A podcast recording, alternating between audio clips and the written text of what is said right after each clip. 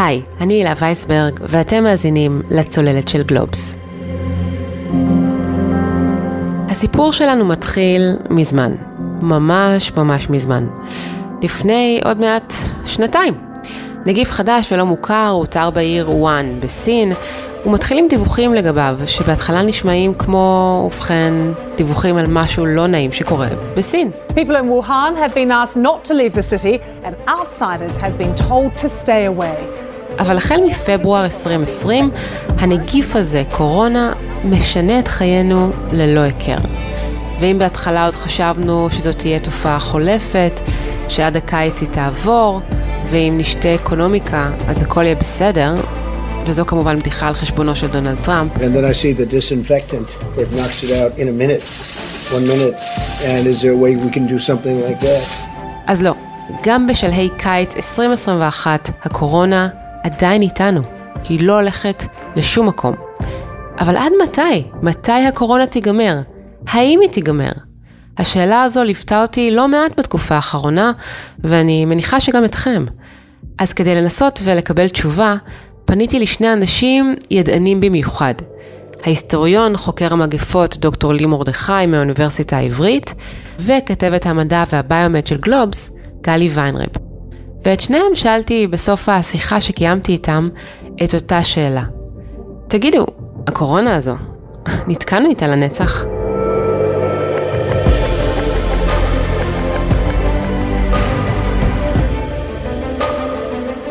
דוקטור לי מרדכי הוא היסטוריון של מגפות. הוא בן 39, מתגורר בירושלים, ואת הדוקטורט שלו השלים באוניברסיטת פרינסטון. בשנים האחרונות המחקר שלו מתמקד בימי הביניים, וכך גילה שיש מגפה אחת שמעניינת אותו במיוחד, הדבר, ועוד נדבר עליה בהמשך. מה שאני רציתי להבין מלי מרדכי הוא מתי ואיך מסתיימות מגפות, כדי לנסות וללמוד מההיסטוריה על ההווה שלנו ועל העתיד. וכששאלתי אותו את השאלה הזו, הוא אמר לי משהו שלמען האמת לא צפיתי אותו. מגפות לא מסתיימות, כמעט אף פעם. אז אני חושב שאפשר להסתכל על זה באופן פסימי, אבל אני חושב שאולי, יש פה כמה שאלות שאולי כדאי לשאול. שאלה אחת זה בעצם למה בדיוק אנחנו מתכוונים כשאנחנו שואלים האם מגפה מסתיימת. האם מגפה מסתיימת באיזשהו סוף של סרט הוליוודי, סוף טוב, כולם שמחים ומאושרים והולכים הביתה?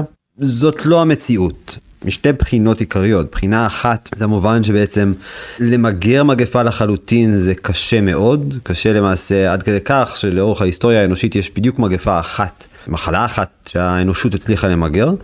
הבעבועות השחורות אז זה מצד אחד ומצד mm-hmm. שני גם שווה לשאול בעצם בעיני מי המגפות האלו מסתיימות בגלל שאולי בעיני חלק מאיתנו הרוב הציבור התקשורת המגפות האלו מסתיימות ואני חושב שאפשר לחשוב כאן למשל על איידס בתור דוגמה או פוליו בתור דוגמה, אבל בשביל קבוצות משמעותיות באוכלוסייה, בין אם באוכלוסייה של העולם, במקרה של איידס, או אפילו באוכלוסייה פה בישראל, במקרה של פוליו, המחלות האלו עדיין קיימות איתנו, בין אם בסביבה שלנו, למשל באפריקה שמדרום לסהרה בהקשר של האיידס, או ממש בגוף של אנשים, גם במקרה של איידס, נשאי איידס למשל כאן בישראל, או אנשים שהיו חולים בפוליו, או שחלו בפוליו אה, בעבר ועדיין מחזיקים בגוף שלהם את העדויות להשפעה של המחלה. אז כן, המחלה היא מסתיימת בכך שהיא לא איום מיידי על החיים שלנו היום, או איום שהוא מאוד קרוב לחיים שלנו היום, אבל האם היא באמת מסתיימת? אני חושב שברוב הגדול של המקרים התשובה שלי תהיה לא. הזכרת קודם את האבעבועות השחורות כמחלה היחידה בהיסטוריה שכן מוגרה. זו מחלה שמוכרת אלפי שנים, במאה ה-18 היא הרגה יותר מ-400 אלף אנשים מדי שנה רק באירופה. אז איך הצלחנו להביס דווקא את האבעבועות השחורות? פה ניצלנו באמצעות חיסונים, אז הצלחנו לחסן והצלחנו למצוא תרופה, אה, ובעצם להתמודד עם המחלה הזאת, אה, למגר אותה לחלוטין. המקרה האחרון ש, שקרה זה ממש ב-1977, ארגון הבריאות העולמי הכריז שהמגפה מוגרה סופית ב-1980, וזה בעצם הסוף הטוב של אה, מחלה אחת לפחות. אבל איך בעצם מגפה ממוגרת באופן uh, מוחלט, כי תמיד יהיו מקומות שבהם אין חיסונים, או, או וריאנטים שכל הזמן נוצרים, איך זה מגיע לעצירה מוחלטת, כמעט מוחלטת. במקרה הספציפי הזה, באמצעות השקעה משמעותית בשני צדדים של המלחמה הקרה, אז גם ארה"ב, גם ברית המועצות. אה, שיתופי פעולה מפתיעים למעשה, לא, לא דברים ששומעים עליהם בדרך כלל, אבל כן שיתופי פעולה בהקשר הזה, אה, וניסיון לעבוד ביחד ולהתמודד עם המחלה הספציפית הזאת. היו גם ניסיונות אחרים שלא הצליחו, למשל המלאריה, אה, גם נעשו ניסיונות באמצע המאה ה-20, ממש במקביל לאבעבועות השחורות, למגר לחלוטין את המלאריה ולא הצליחו. המלאריה קטנה משמעותית בתקופה הזאת.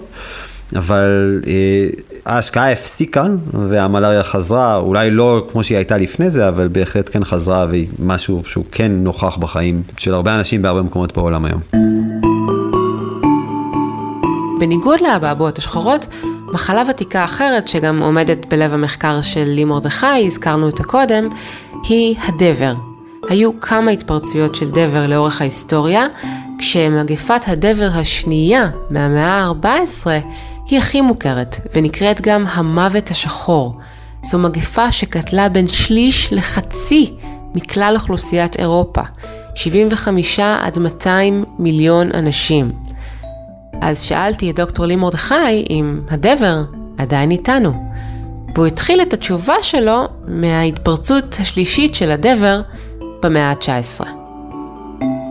הדבר אה, מתפשט ממש בסוף המאה ה-19, תחילת המאה ה-20 ברחבי העולם, מגיע למקומות שבהן הוא לא היה קיים לפני כן. אני חושב שהמקומות הבולטים ביותר זה מערב ארצות הברית, ומקומות כמו דרום אפריקה, מדגסקר למשל, אוסטרליה למשל, ובמקומות האלו, במיוחד מדגסקר ומערב ארה"ב, הדבר קיים עד היום, ועד היום הורג אנשים שם. אז למשל ב-2017 הייתה התפרצות של דבר במדגסקר, חלו בה משהו בסביבות 2,500 אה, איש, יותר מ-200 אנשים מתו בהתפרצות הזאת. אבל אם את מסתכלת על סך כל האנשים שהדבר הורג, למשל סן פרנסיסקו, המספר הוא זניח. אני אומר מספר זניח, זה אומר נניח 100 אנשים על פני 30 שנה, אז לא משהו רציני. ב-30 שנה דוקטור מרדכי מתכוון ל-30 השנים הראשונות של המאה ה-20.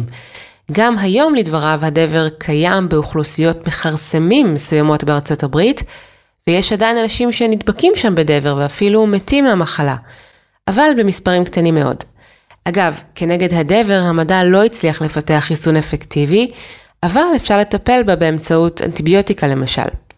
אז מה גרם למגפת הדבר לדעוך? למען האמת, אומר דוקטור לי מרדכי, אנחנו לא ממש יודעים. אני חושב שזה בסופו של דבר שקלול של כמה גורמים. הגורמים האלו יכולים להיות הבנה טובה יותר של מה בעצם גורם למגפה הזאת, איך אנשים נדבקים במגפה הזאת, איך אפשר אה, לאבחן את המגפה הזאת, איך אפשר עכשיו אה, להוציא את האנשים שחולים במגפה הזאת נניח ולשים אותם באיזשהו בידוד. הדברים האלו עוזרים, זאת אומרת כל אחד מהם אולי לא עוזר יותר מדי, אבל ביחד אני חושב שהם כן משמעותיים.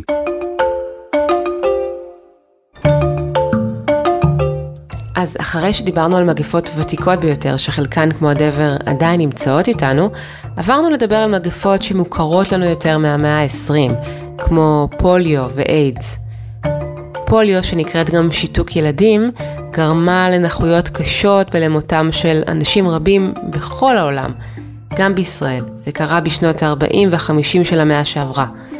ולכאורה, מאז שיש חיסון, המחלה נעלמה. אבל האם היא באמת נעלמה? כן, זה נעלם מהחיים של רובנו. אה, בעולם בסך הכל, העולם מתמודד טוב מאוד עם פוליו, אז יש כמה מאות מקרים של פוליו ברחבי העולם עכשיו בשנה, אז באמת, זה לא אפס. באילו מדינות למשל? בדרך כלל במדינות עניות, אפריקה שמדרום לסהרה זה המקום הנפוץ ביותר. והסיבה שאנחנו לא נדבקים יותר בפוליו, למשל פה בישראל ובעולם המערבי, זה כי אנחנו מקבלים את החיסון הזה ב... בילדות? אז זה החיסון, אבל גם שורה של, של, של דברים אחרים, זאת אומרת, תנאי תברואה טובים יותר, יותר היגיינה, יותר מודעות לזה, גם מצד רופאים, בעלי מקצוע, גם מצד אזרחים באופן כללי, זאת אומרת, אנחנו יודעים יותר מה, מה כן בריא, מה לא בריא, מה אפשר לעשות, מה אי אפשר לעשות. מה לגבי איידס? ההתייחסות כיום לאיידס, בעולם המערבי לפחות, היא כאל מחלה ששייכת לעבר. מאז שהאיידס התגלתה, בשנות ה-80, מאז שהיא בעצם פרצה למודעות, מתו על פי הערכות בערך 36 מיליון אנשים. אה, אנחנו יודעים עד היום חיים בעולם על פי הערכות בערך 30, מספר דומה, בערך 37 מיליון אנשים עם איידס, ומתים כל שנה אנשים, מאות אלפי אנשים עם איידס. אז שוב, פחות במדינות עשירות ומפותחות, פחות במערב, יותר במדינות עניות ומתפתחות, כמו למשל אפריקה שמדרום לסהרה. אה, והאייד אין כנגדו חיסון, ניסו לפתח, אבל uh, עד כה לא הצליחו. כן, אז יש טיפול. אז אנשים חיים עם המחלה בתוכם, הם לא, אין להם סימפטומים, הם חיים חיים אה, רגילים, חוץ מהעובדה שהם צריכים לקבל את הטיפול הזה. מה שנקרא טיפול הקוקטייל. כן, אז כמובן שהם מבחינתם, זה, זה לא יסתיים, ואיך שדברים נראים עכשיו לפחות, הם כנראה יחיו את שאר החיים שלהם עם האיידס. ורצינו גם לדבר על אה, שפעת. כולנו מכירים את השפעת כי אנחנו חולים בה לפעמים, ולאורך ההיסטוריה היו כל מיני סוגים של שפעות, חלקן ממש קטלניות. אולי, אולי ידועה מכולן היא השפעת הספרדית, שהתרחשה בתחילת המאה שעברה, אחרי מלחמת העולם הראשונה. בזמן מלחמת העולם הראשונה, 1918 עד למעשה 1920, למרות שעיקר התמותה קורה אה, בשנה הראשונה, אז מ-1918 עד 1919. גם לא ברור, וגם עליו עדיין יש מחלוקות בקרב חוקרים, מאיפה בדיוק זה יגיע. אבל מה שבטוח זה שזה לא ספרד, נכון? כן, כן, כן, השם השפעת הספרדית תפס, אבל זה חד משמעית לא ספרד. אחת הטענות היא שלמשל השפעת הזאת מגיעה דווקא מארצות הברית. בשפעת הספרדית, על פי הערכות, בין 50 ל-100 מיליון אנשים מתו. זו שפעת שהייתה גם קטלנית מאוד וגם כנראה מדבקת מאוד, והיא גם הייתה חריגה לפחות ביחס לשפעות שאנחנו מכירים אה, מהשנים האחרונות, בכך שהיא פגעה באוכלוסייה צעירה בעיקרה. כן, באמת הדמוגרפיה, ההשפעה הדמוגרפית של השפעת הספרדית היא באמת חריגה ביחס למחלות אחרות. אה, על פי הערכות, שוב, אין לנו באמת דרך לומר את זה בוודאות, אה, בערך שליש מהאוכלוסייה של העולם נדבק במחלה, באיזשהו שלב שם בתחילת המאה ה-20. ומכיוון ששליש מאוכלוסיית העולם נדבקה בשפעת הזו, אחת ההשערות היא שהשפעת הספרדית מוגרה באמצעות חיסון עדר, אותו חיסון שנובע מכך שחלק מספיק גדול מהאנשים פיתחו נוגדנים נגד הנגיף, ולכן הם לא יכלו שוב. ככה הם חוסמים את ההתפשטות שלו. זה אגב לא קרה עדיין עם הקורונה. השערה נוספת מדברת על כך שהעולם למד לטפל במחלה טוב יותר. ויש גם אופציה שלישית שהיא הכי מעודדת. תקשיבו. אופציה שלישית זה שבעצם המחלה עברה איזושהי מוטציה והפכה להיות פחות קטלנית, וזה מה שהרג פחות אנשים. צריך להבחין בין יותר ופחות מדבקת ליותר ופחות קטלנית. למעשה, אם את רוצה להסתכל על זה, לנסות להסתכל על זה רגע מנקודת המבט של, של הווירוס למשל, אז הוא דווקא לא רוצה אה, להרוג את האנשים, את הנשאים, בגלל שזה עוזר לו להתפשט יותר. אז וירוסים שהם יותר מדבקים אבל פחות קטלניים, אמורים להתפשט מהר יותר. הבנתי, אז יכול להיות שזה מה שקרה ואולי גם זה מה שאנחנו אה, נראה עם הקורונה. כן.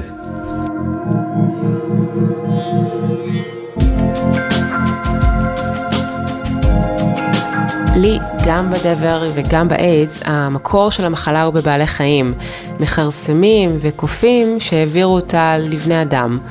המקור של הקורונה הוא כנראה בעטלפים. זאת אומרת, העובדה שבני אדם היום נמצאים באינטראקציית יתר עם בעלי חיים, והחקלאות נעשית תעשייתית יותר, הן עלולות להוביל לכך שנראה כאן יותר ויותר מגפות בשנים הקרובות? לצערי אני אגיד שכן. זה, זה אולי לא, לא אופטימי במיוחד, אחרי האופטימיות של הבעבועות השחורות, אבל uh, אני חושב שכן. Um, הקשר הזה עם בעלי חיים, עם בעלי חיים נגועים, עם מחלות אצל בעלי חיים, היה קשר שהיה קיים הרבה מאוד זמן, זאת אומרת זה לא משהו חדש. אבל מה שכן חדש זה העובדה שאנחנו, האנושות, הרבה יותר מקושרת היום. אנחנו הרבה יותר קל לזוז ממקום למקום, והתזוזה הזאת עוזרת להעביר את המחלות האלו ממקום למקום. אני חושב שהקורונה היא, היא באמת דוגמה טובה. המכרסמים האלו שנגועים בדבר אה, במונגוליה, כל עוד הם שם במונגוליה ומי שמתעסק בהם זה הציידים שמדי פעם חולים זה משהו אחד אבל ברגע שהציידים האלו יכולים עכשיו להעביר את המחלה לאנשים אחרים או בעצמם להתנייד ולהגיע לערים גדולות ולטוס מהערים הגדולות האלו באמת לכל נקודה ברחבי העולם זאת מציאות אחרת לגמרי. ולמעשה מה שאנחנו רואים במיוחד בעשורים האחרונים זה שעוד ועוד מחלות כאלו מופיעות מבליחות מ, מהטבע בעצם. זה משהו טבעי שפשוט אנחנו חשופים לו יותר היום. עכשיו כמובן שהפרקטיקות המודרניות שלנו, של העולם שלנו במאה ה-21, רק עוזרות לזה. את יכולה לקחת למשל את ההרס של סביבות מחיה טבעיות של בעלי חיים, שגורם לבעלי חיים בעצם אה, לנוע בעצמם ממקום למקום, ואולי להעביר מחלות שלא היו במקום אחד למקום אחר. את יכולה להסתכל על הפרקטיקות המודרניות של חקלאות, שלנו היום, שוב, במאה ה-21, כמו למשל צפיפות, שגורמת לעודף של מחלות, בין אם בבעלי חיים במכלאות ובין אם בערים אנושיות. אנושיות. אה, את יכולה להסתכל על אה, ברירה מלאכותית של בעלי חיים והרבייה של זנים שמתאימים יותר לנו, אה, למשל פרות שמייצרות יותר חלב, אבל זה גם גורם להקטנה של המגוון הגנטי ולפגיעות גבוהה יותר למחלות קטלניות בקרב האוכלוסיות האלו שאנחנו בעצם מרבים ובוררים. בעצם אז דברים שקרו כבר לפני מאות שנים רק הולכים ומואצים כל הזמן, האוכלוסייה גדלה, הצרכים גדלים וגם ה... הצרכים הכלכליים בעצם אה, משפיעים על, ה, על התעשיות האלה. כן, ואני חושב שמיד המפתח היא בעצם התעשייה, שחקלאות הפכה להיות חקלאות תעשייתית, שזה שינוי מהותי שעבר, אם את מסתכלת למשל על חקלאות לפני 300 ו-400 ו-500 ואפילו יותר אחורה, החקלאות הייתה מאוד שונה, וברגע שהיא הופכת להיות תעשייתית, כללי המשחק משתנים. אנחנו מנסים לייצר השלכה מההיסטוריה אל ההווה, אבל כל מי שבעצם יקשיב לשיחה שלנו יגיד לעצמו, רגע, רגע, רגע, אבל בעבר לא היו חיסונים, והיום אנחנו חיים בעידן עם חיסונים, איך בכלל אפשר להשוות? אז האם אפשר בכלל לייצר את ההקבלה הזו, ואולי איזה דברים קיימים היום שלא היו קיימים אז, ובעצם מקשים מאוד על השתלטות על מגיפות? יש היום חיסונים שלא היו קיימים לפני כן, וזה אולי משהו חיובי. אבל מצד שני יש הרבה יותר איומים והאיומים האלו הם גם אני לא יודע אם משמעותיים זאת המילה הנכונה אבל הם, הם יותר אקוטיים זאת אומרת אם את מסתכלת על ה... למשל, קחי את, את המגפה השחורה, המוות השחור, אז את ממש יכולה לעקוב שנה אחרי שנה איך הוא מתפשט לאט לאט ברחבי אירופה. והיום הכניסה באמת של, של תנועה אווירית בעיקר, של מטוסים שממש מגיעים מכל מקום לכל מקום ברחבי העולם, משנה מהותית את כללי המשחק. עניין אחר זה שאני חושב שאנחנו, במיוחד במאה ה-21, אנחנו מאוד רגילים לחשוב על זה שהנה הטכנולוגיה הולכת לפתור את כל הבעיות שלנו. אבל אני חושב שמה שהקורונה מראה לנו, שבעצם החיסון הוא לא מספיק. התחסנו, התמודדנו עם המגפה למשל פה בהקשר של ישראל, אבל זה לא נגמר, וזה לא נגמר בגלל שה... הקורונה עוברת מוטציות במקומות אחרים שלא קיבלו את החיסונים האלו, ומגיעה אלינו בגרסה אחרת. הנה, הגל שאנחנו חיים אותו היום. מעבר לחיסון עצמו, מעבר לפתרון הטכנולוגי, יש כאן שורה ארוכה של גורמים אחרים שגם משחקים תפקיד. למשל, האמון של אנשים ברשויות, במומחים, במדינה, עניין שאני חושב שחוזר על עצמו פה, חוזר על עצמו בארצות הברית, כל מיני סרבני חיסונים, הדיונים סביב סרבני חיסונים. את יכולה להסתכל על דברים גם בצורה הזאת ולומר שבעצם טכנולוגיה לא מספיקה, יש הרבה דברים אחרים, לשפר את התקשורת למשל, בין מומחים, הרשויות, המדינה, בריאות הציבור והאזרחים, בהחלט משהו שיכול לעזור, ויש פתרונות אחרים שגם יכולים לעזור, לא פתרונות טכנולוגיים, לא איזשהו הייטק או משהו כזה. הזכרתי קודם את המלאריה, השינוי המשמעותי ביותר שעזר להוריד דרסטית את כמות האנשים שחולים במלאריה, זה פשוט לשים רשתות על חלונות שמנעו מהיתושים עם המלאריה להיכנס ולהדביק אנשים. אז לא צריך לבנות יותר מדי על טכנולוגיה. ואת ההתפכחות הזו של האנושות מהיכולות של המדע, אתה גם רואה באופן שבו מגפות מיוצגות בסרטים הוליוודיים, נכון? זה, זאת כחלק מספר חדש שאתה עובד עליו בימים האלה. אתה משווה למשל בין הסרט התפרצות מ-1995 בכיכובו של דסטין הופמן, לבין התפשטות, Contagion, מ-2011, שגם בו כיכבו שמות גדולים, כמו גווינית פלצ'ו, מאט טיימון וג'וד לואו. אז אילו הבדלים אתה מוצא בין הסרטים האלה?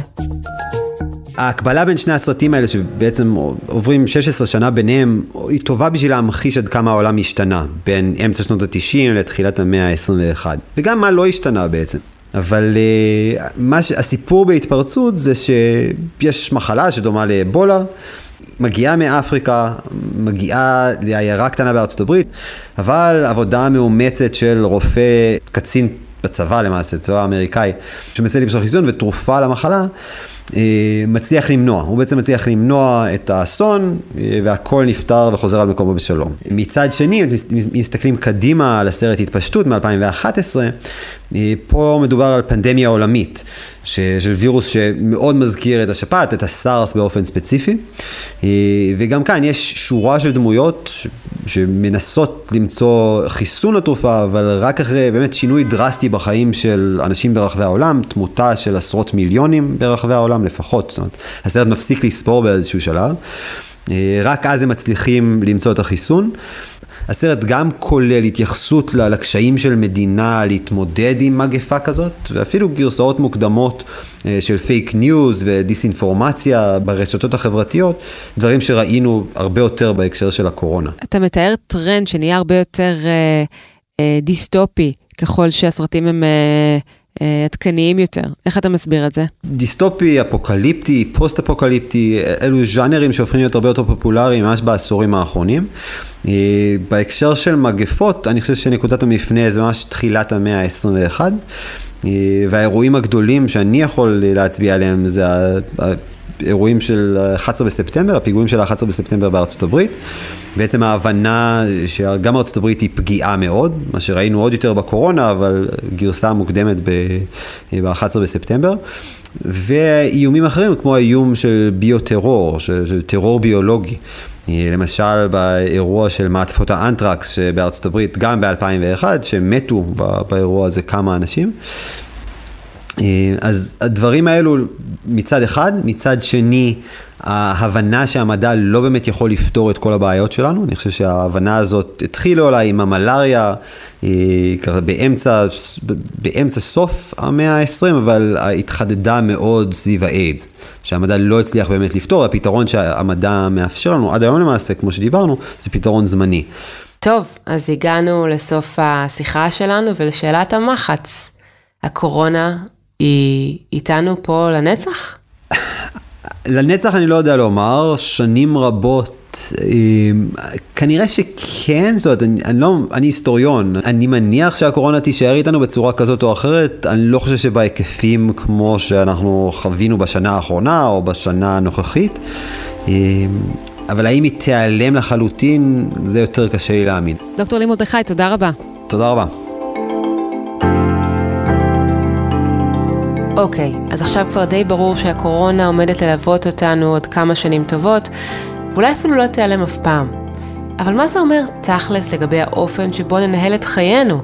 לגבי מגבלות ותווים ירוקים וסגולים, מסכות, כן או לא, בידודים, סגרים, איך עומדים להיראות החיים שלנו מעכשיו?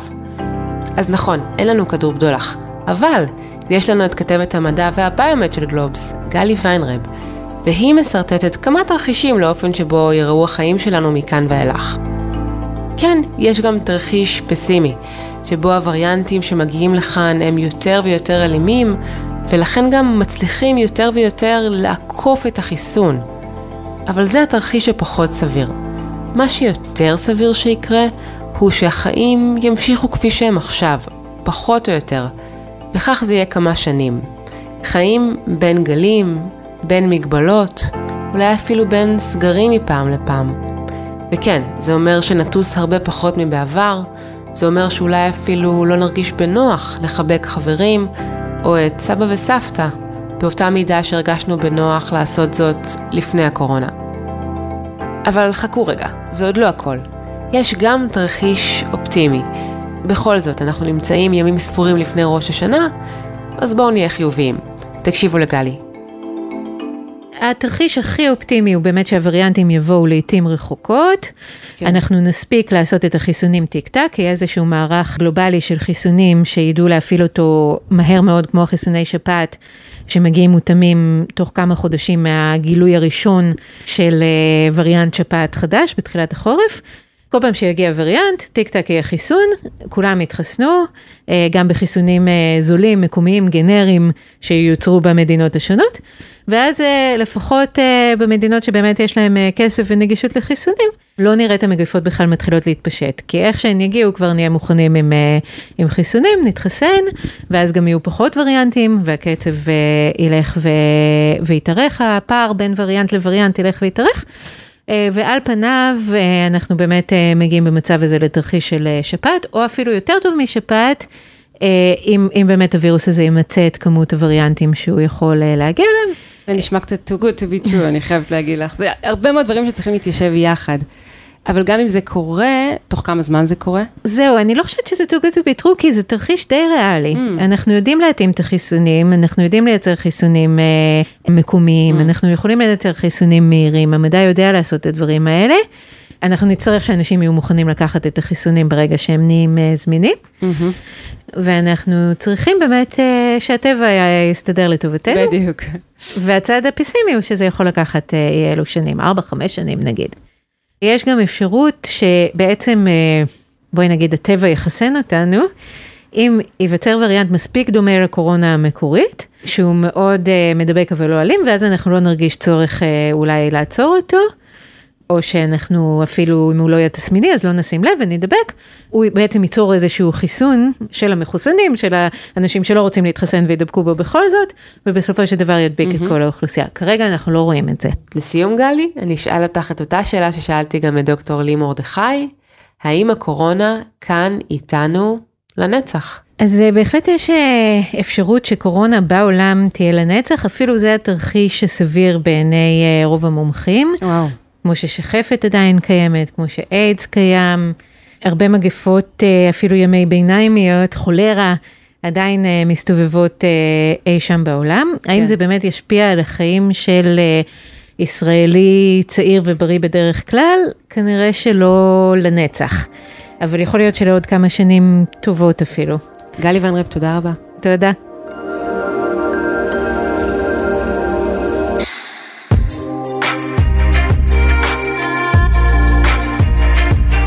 עד כאן עוד פרק של הצוללת. אתם יכולים למצוא אותנו באתר גלובס, בספוטיפיי או בכל אפליקציית פודקאסטים, ונשמח אם תדרגו אותנו גבוה באפל פודקאסט, ואתם מוזמנים לשלוח את הפרק לחברה או חבר שעוד לא שמעו עלינו. ואם במקרה פספסתם את הפרק האחרון בסדרה החדשה שלנו, צוללים לתקציב, לגור בתל אביב, להרגיש בפריז, בהנחיית עמירם ברקת, זה הזמן להאזין לו. בפרק הזה אנחנו מסבירים למה הישראלים לא רוצים לגור בשכירות, והאם עכשיו סוף סוף נתחיל לראות שינוי. עורך הסאונד הוא ניר לייסט. אני הילה וייסברג, נתראה בפעם הבאה.